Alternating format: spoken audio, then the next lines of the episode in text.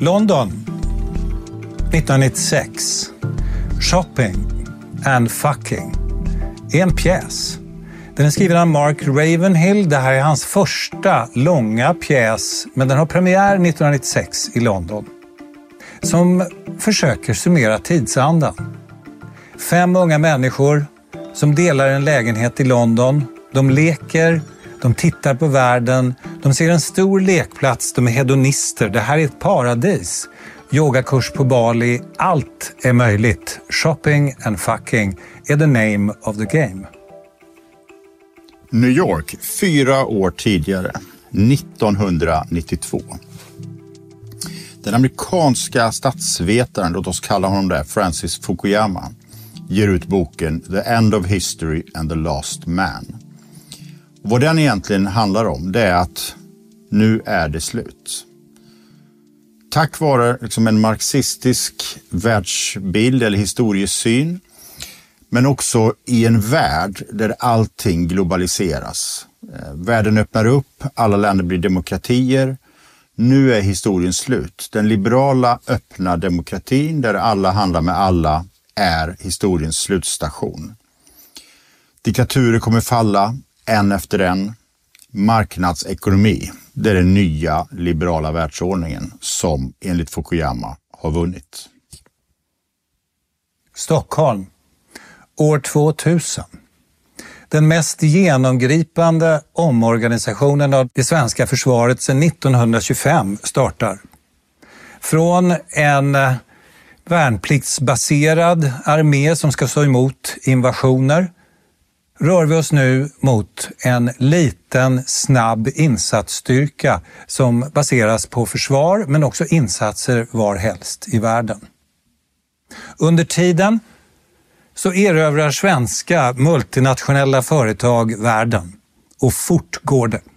Ericsson står på höjden av sin förmåga. ABB tolkar Ryssland och Östeuropa som det nya Asien. Här kan man göra saker.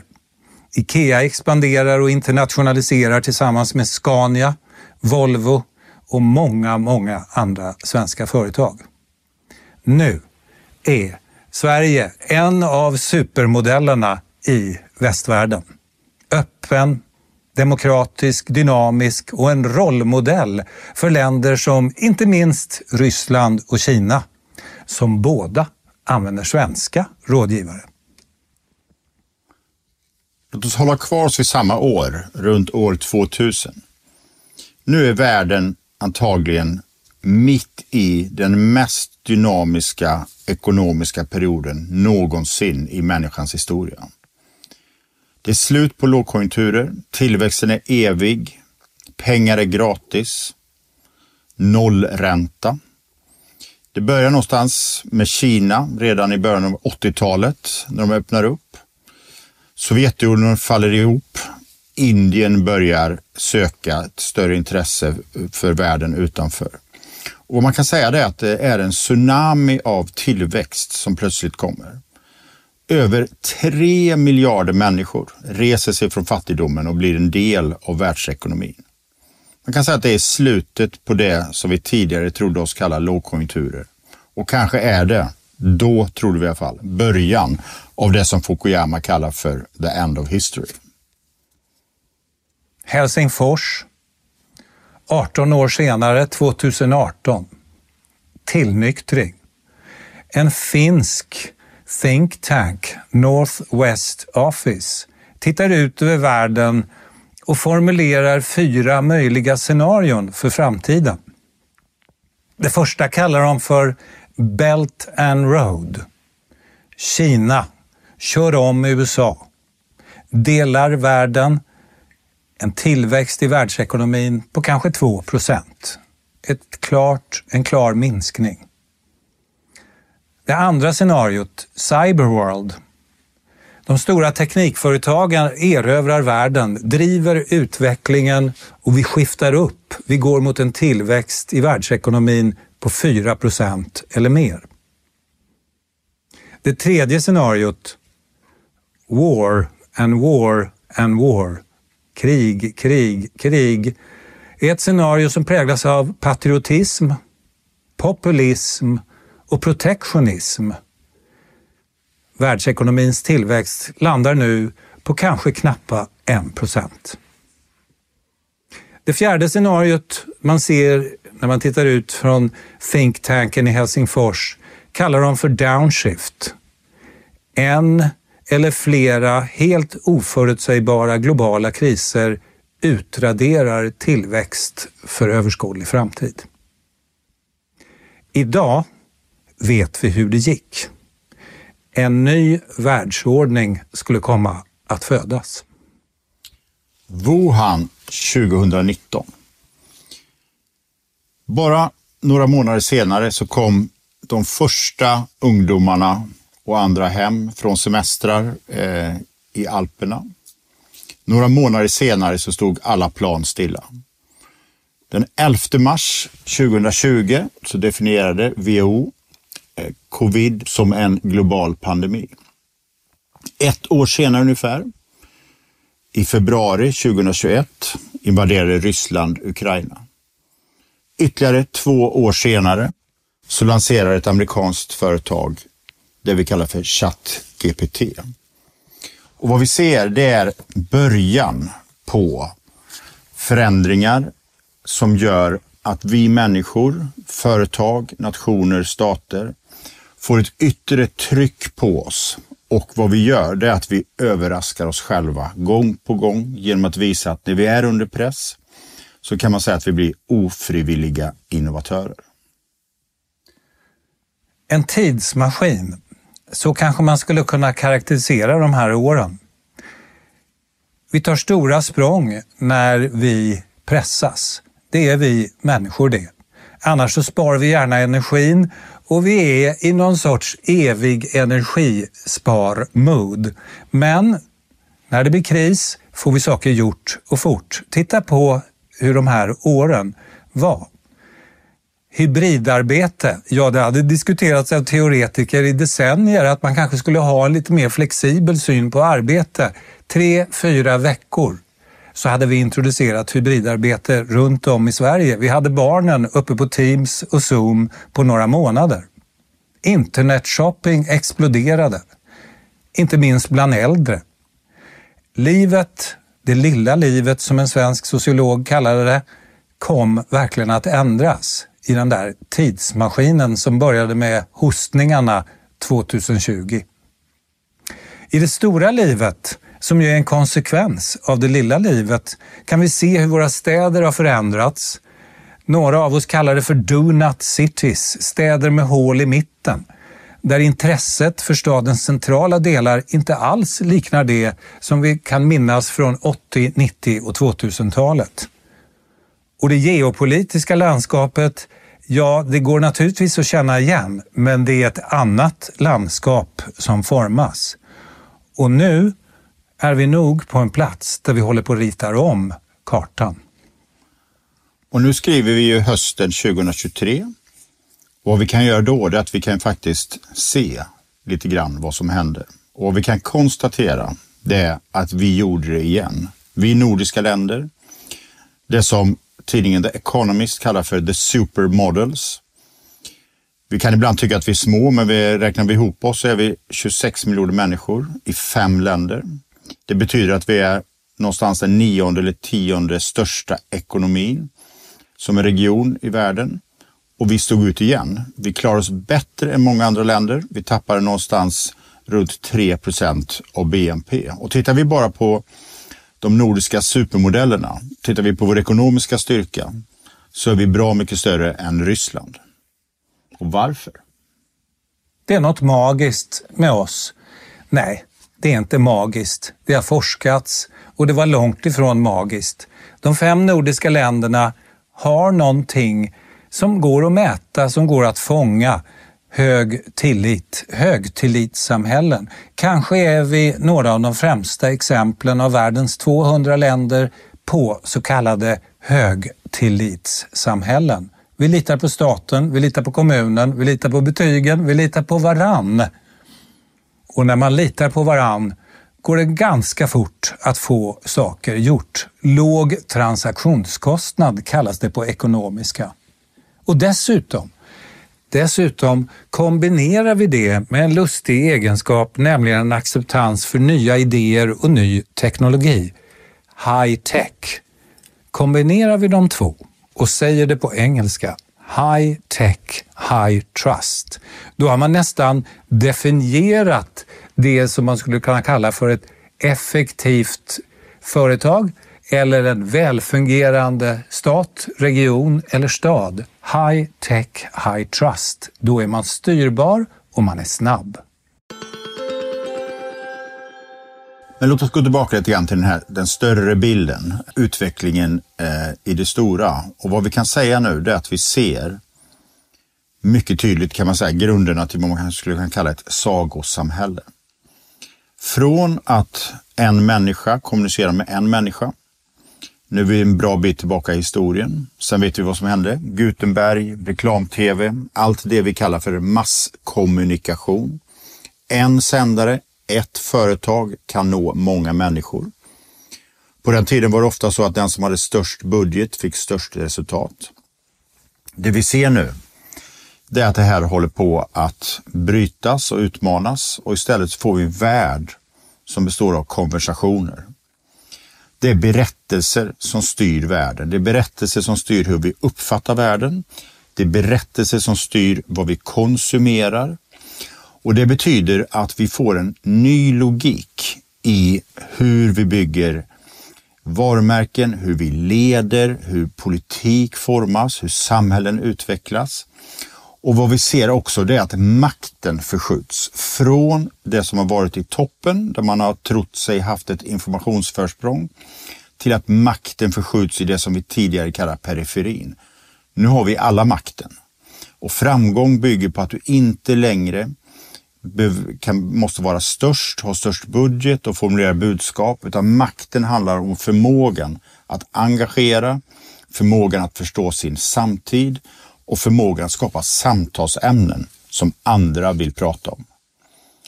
Så att mitt i allt detta så säger vi också välkommen till sagosamhället. I sagor finns det häxor och häxor behövs.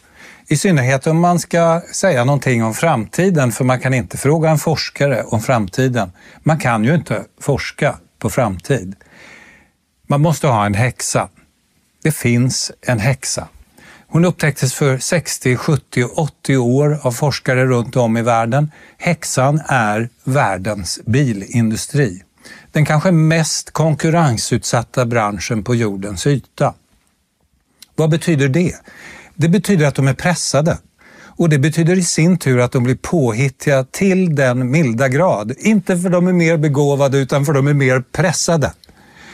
Det här gör att den här branschen har visat vägen gång efter gång efter gång. Gått först.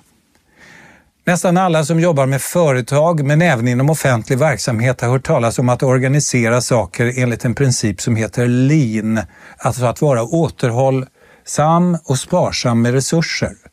Det här hittades på av bilindustrin i slutet på 60-talet. Toyota anges ofta som paradexemplet. Idag Nästan 70-75 år senare introduceras det fortfarande i bransch efter bransch som något av en ny princip att organisera saker efter. Att bygga en bil för varje kund. Idén om att du designar bilen själv och bolaget tillverkar den börjar bilindustrin med på 80-talet. Det är långt ifrån det ordinarie tillståndet i många branscher idag. Och elektrifiering Ja, vi vet var det började någonstans. Ett litet företag fött i Silicon Valley. Tesla började för 22 år sedan. Förvandlingsnumret som nu tar med sig hela branschen, alla världens biltillverkare.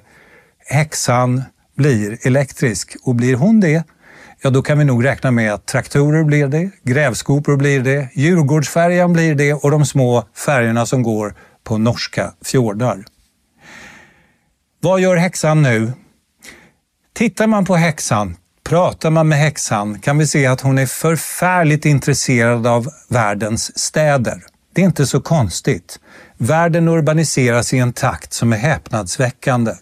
Många tror att redan om 20-25 år är det här en värld som består av 600 städer och de 600 städerna står för kanske 75-80 procent av människorna.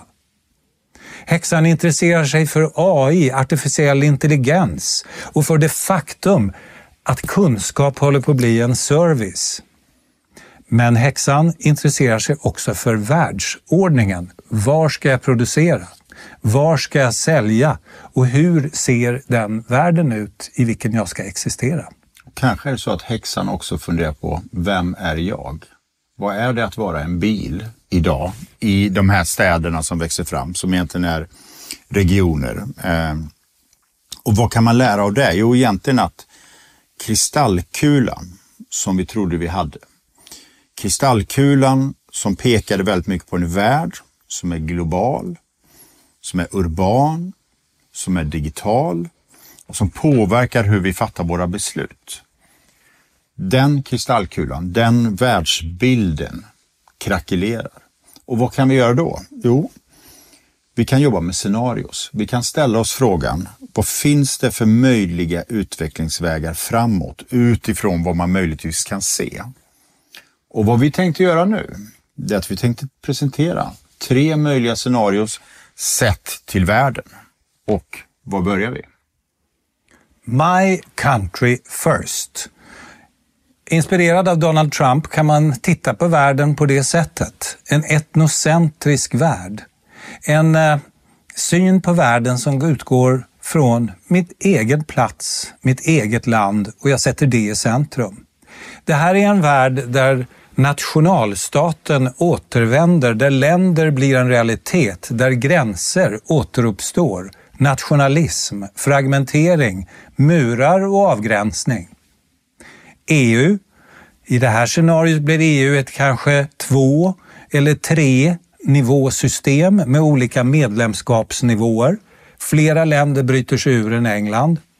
Mer av protektionism även inom unionen. Oro, krig längs med gränser, frysta konflikter. Och naturligtvis kommer det här att kosta i ekonomisk tillväxt. Vi kan misstänka helt enkelt att vi skiftar ner en eller två nivåer i termer av ekonomisk tillväxt och teknologisk utveckling. Vi betalar helt enkelt ett pris för fragmenteringen. Det här är också en värld där multi mångnationella företag återvänder och får en naturlig plats i tillvaron. Och det här är också en värld där små länder ofta lider mer än större. Större länder är lustigt nog som ett ekonomiskt ägg. De innehåller det mesta som behövs för att överleva länge. Den andra möjliga vägen framåt är ju We First.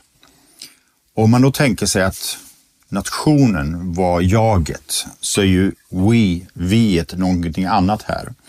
Och vem är då vi? Jo, man skulle kunna kalla det för en polycentrisk världsordning. En världsordning som egentligen bygger på att världen faller ihop i ett antal, och det har vi pratat om tidigare, värderingsstyrda eller värderingsbaserade regioner. De behöver nödvändigtvis inte hänga ihop geografiskt, men som hänger ihop av värderingar, teknologi, internetplattformar, handel, resande, kapitalströmmar. Och vad vi ser är en ny typ av instabilitet som växer fram när de här oligonerna, som vi kallar det, står i konflikt med varandra. Vad vi ser nu det är ju att det här påverkar väldigt mycket vår världsbild när företag och andra exempelvis flyttar hem sina försörjningskedjor. Vi känner oss mer trygga. Tittar vi på exempelvis vad som händer när det gäller eh, internationella europeiska företag i Kina, så många som flyttar från Kina till delar som och länder som är mer en del av vår egen oligon. Eh, Bangladesh, Vietnam. Så vi ser en värld som växer fram som snarare handlar om ett vi där geopolitiken mycket, mycket mer kommer styras av hur de här olika oligonerna förhåller sig till varandra. Och vad man kan tänka sig här är ju också att eh, ökad instabilitet, exempelvis det som man pratar om väldigt mycket i USA, nämligen hur Kina förhåller sig till Taiwan, skulle kunna utlösa ytterligare att de här strukturerna, de oligonära strukturerna blir ännu, ännu starkare. Så det är det andra scenariet, We First. Planet Earth First. Geocentrisk världsbild. En slags neoglobalisering. Här delar USA på världen i någon slags evig dragkamp om resurser och intressen och positioner. Men det är ju en värld där man också på något sätt har enats om att inte vara eniga. Ganska stark betoning av det som kallas för soft power, det vill säga kraftmätning på andra områden än militära och ekonomiska. Här delas kunskap. Här samarbetas ändå bakom kulisserna. Varför? Därför att ingen har råd att gå själv. Visst, det är en delad värld, men det är också en värld där koldioxidnivåerna, den ekonomiska utvecklingen och hela vår existens lever under ett permanent hot. Man måste samarbeta. Europa, Indien och resten av världen spelar någon sorts eh, spel där man ibland är lojal med den ena, ibland lojal med den andra. Hoppande lojaliteter. Det här är ett scenario som betyder en återindustrialisering, en omindustrialisering utav världen, men med gröna förtecken. På en generation ska vi nu rätta till det som det tog sju generationer att skapa. Så vad är det vi har sagt? Vi har sagt att det har hänt väldigt mycket kan man säga från någonstans 80-talet och framåt om man tittar på de här olika exemplen vi nämnde tidigare i början. Vi har sagt någonstans att tittar man på det så finns det rimligtvis tre möjliga scenarios framåt nationens, kan man säga, lite grann återkomst. Det som vi också skriver i vår bok Momentum om, den här, ehm, vi ser hur oligoner, hur världen förändras. Och det tredje är en geocentrisk utveckling. Mm. Men frågan är, vad är det vi kan konstatera egentligen? På ett sätt så kan man konstatera att om Fukuyama då, när han skrev End of History, så byggde det någonstans, och det skriver han ju själv, på någon typ av marxistisk historiesyn. att det spelar egentligen inte så stor roll vad som händer utan världen styrs av materiella förutsättningar. Och vi ser nu hur den liberala demokratin har vunnit. Det är ju rätt spännande i och för sig att komma fram till att den liberala demokratin segrar utifrån en marxistisk historiesyn. Men det är vi ju inte. Det är vi inte. Vi är inte marxister. Och då är vi ju inte determinister heller. Och vad du och jag säger om man tänker på en liten stund vad det är vi säger så säger vi att världen verkar styras av idéer. Idéer, berättelser, våra tankar. Och om vi bara tänker till lite så är det ju så att om vi alla skulle tänka på att världen blir mer global, det är utvecklingsriktningen. Då kommer den att bli mer global därför att vi kommer att fatta beslut. När vi väljer utbildningsväg, när unga gör det, när vi tänker på hur ska vi internationaliseras, när vi tänker på vad vi ska producera, när, när vi tänker på var vi ska resa kapital. Och vart vi ska resa med familjen. Vart vi ska resa med familjen. Vad vi kanske konsumerar för kultur. Vad vi är nyfikna på. I 40 år styrde ja. den här idén. Stenhård. Från 1982, om vi sätter det som början när Kina öppnade dörren mot väst. Och sen började den här idén likt en dimma lägga hela världen i dimma. Men också intressant någonstans att det har ju varit mer en idé än en verklighet. Det har varit en verklighet väldigt tydligt så, så tillvida och det var väl det Fukuyama konstaterar också att det var ju utvecklingen i Asien när länder som tidigare var slutna öppnade upp sig och hade det man kallar komparativa fördelar ofta i Eh, både låga lönekostnader men också i ganska hög utsträckning eh, också hade rätt hög utbildning inom vissa områden. Tre miljarder människor reste sig ur fattigdom. Mm. Eh, Så det var ju, kan man säga, tydligt.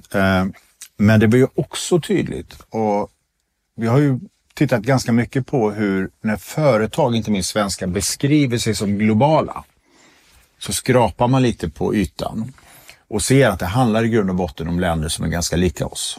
Västvärlden, Japan, Sydkorea, USA, Kanada och så vidare. Man glömmer ju lätt bort att världen består av 200 länder. Och tittar man på stora multinationella företag från vår del av världen så är det ofta så att 10, 12 eller 15 länder står många gånger för 70-80 procent av den totala försäljningen. Så så värst global är det ju inte i de allra flesta fall i praktiken. Då kan man ställa sig frågan, för nu pratar ju många, framförallt i den ekonomiska världen, i vår del av världen, investerare och andra. Det finns ju egentligen en utvecklingsriktning och det är ju hållbarhet. Elektrifiering, som du nämnde med häxan. Cirkularitet, det som kallas för substitution, att ersätta det fossila med fossilfritt. Och det är klart att om alla tänker hållbarhet så kommer världen att bli mer hållbar. Ja, vi kommer gradvis att knuffas i vårt beslutsfattande, i våra politiska och ekonomiska beslut, i våra beslut om hur en utbildning ska utformas, i våra berättelser som vi får från Hollywood eller någon annanstans, att få en gradvis grönare och grönare och grönare bild av världen. För att vi kanske inte ska låta helt som eh, naiva evangelister här så får man väl också säga att en annan idé som är ganska förhärskande nu är ju idén om trygghet eller snarare att vi uppfattar världen och våra samhällen som mer otrygga. Och det är klart, om vi alla tänker på att huvud, huvudnumret i mitt liv är att öka min egen trygghet, då kommer vi fokusera på det. Då blir trygghetsdimensionen helt styrande. Men hur ska man förhålla sig, Per, till det här? Om det är på det här sättet att man inte är marxist och man är inte determinist och det finns inte något maskineri i bakgrunden som tar oss mot någon given punkt i historien. Hur ska man tänka på det här då? Jag tror att det enda rimliga sättet att tänka det är att ställa sig frågan om vi nu befinner oss i en tid när det vi kallar för världsbilder och det som har styrt vårt tänkande och därmed vårt beslutsfattande, om det håller på att utmanas och krackelerar. Då måste vi rikta blicken och fundera på vad är det för idé eller idéer som kommer, som är förhärskande och som kommer att bli förhärskande. Och antagligen är det så att vill man förstå hur morgondagens samhälle kommer att utvecklas så ska vi vända oss inåt mot vårt eget tänkande och förstå hur vi tänker, vad som styr hur vi tänker och vilka som påverkar hur vi tänker. En amerikan har formulerat någonting som kanske kan vara till hjälp här. Eh, han beskrev det som voice, exit och loyalty.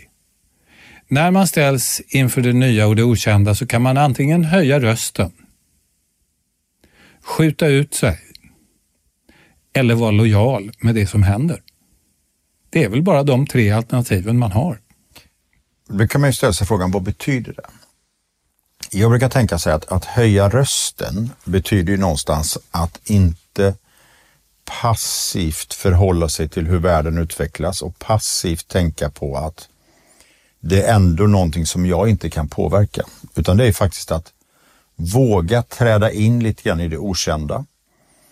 Våga aspirera på att tro på någonting, göra någonting och därmed faktiskt påverka hur morgondagens berättelse kommer att se ut. Voice. Och det tycker jag när du pratar om häxan återigen. Vad Elon Musk gjorde, vad Tesla gjorde, det var ju voice. De vågade göra någonting, inväntade inte bara att andra gör någonting. Och går man tillbaka till Fukuyama, där man egentligen tror att utvecklingen är given, då tänker man sig, då är det ju andra faktorer, inte människans tänkande, inte människors egna frivilliga agerande som påverkar utvecklingen. Nej, det är en slags materiell historiesyn om man ska prata marxistiska. Det vill säga det är materiella omständigheter Så, så vad man kan tänka sig här är väl att fundera på att antingen så bestämmer man sig för att man vill själv vara en aktör som påverkar. Voice. Voice. Och det intressanta är, det är ju en konsekvens också om världen och globaliseringen faller ihop, att det kan man ju också göra i det lilla. Eh, det andra man kan göra det är liksom att fundera på hur är vi tillräckligt nyfikna, snabba på att ta vara på möjligheter. Fånga upp kanske det som andra gör, misstag som andra gör och så vidare och snabbt eh, liksom agera. Och det tredje det är ju att lägga sig ner och helt enkelt och bara betrakta det som ser och tänka att jag är körd ändå. Exit. Exit. Ni har lyssnat på ett lite annorlunda avsnitt av podden Momentum som är en podd som bygger på boken som har samma namn. Och eh, vi tackar såklart som vanligt våra samarbetspartners TV4, Matting och Diös. Och denna podd är inspelad med eh, den fantastiska teknologin som finns i den lilla, lilla lådan som heter Nomono som står mellan oss här när vi sitter i, i ett vardagsrum kan man säga. Och denna podd gjorde samarbete med bokförlaget Volante. Vi kanske också ska ta, passa på att tacka Pandox som har inspirerat oss till att skriva ett antal scenarios om hur världen kommer att gestalta sig. Precis, och eh, alldeles snart så ska vi också eh, stå på en scen och prata om det här. Eh, och kanske är det så att eh, det här tas ett steg till ytterligare och kanske hamnar i någon tryckt publikation framöver. Vem vet? Det är ett av många scenarios. Tack så mycket för att ni har lyssnat. Tack.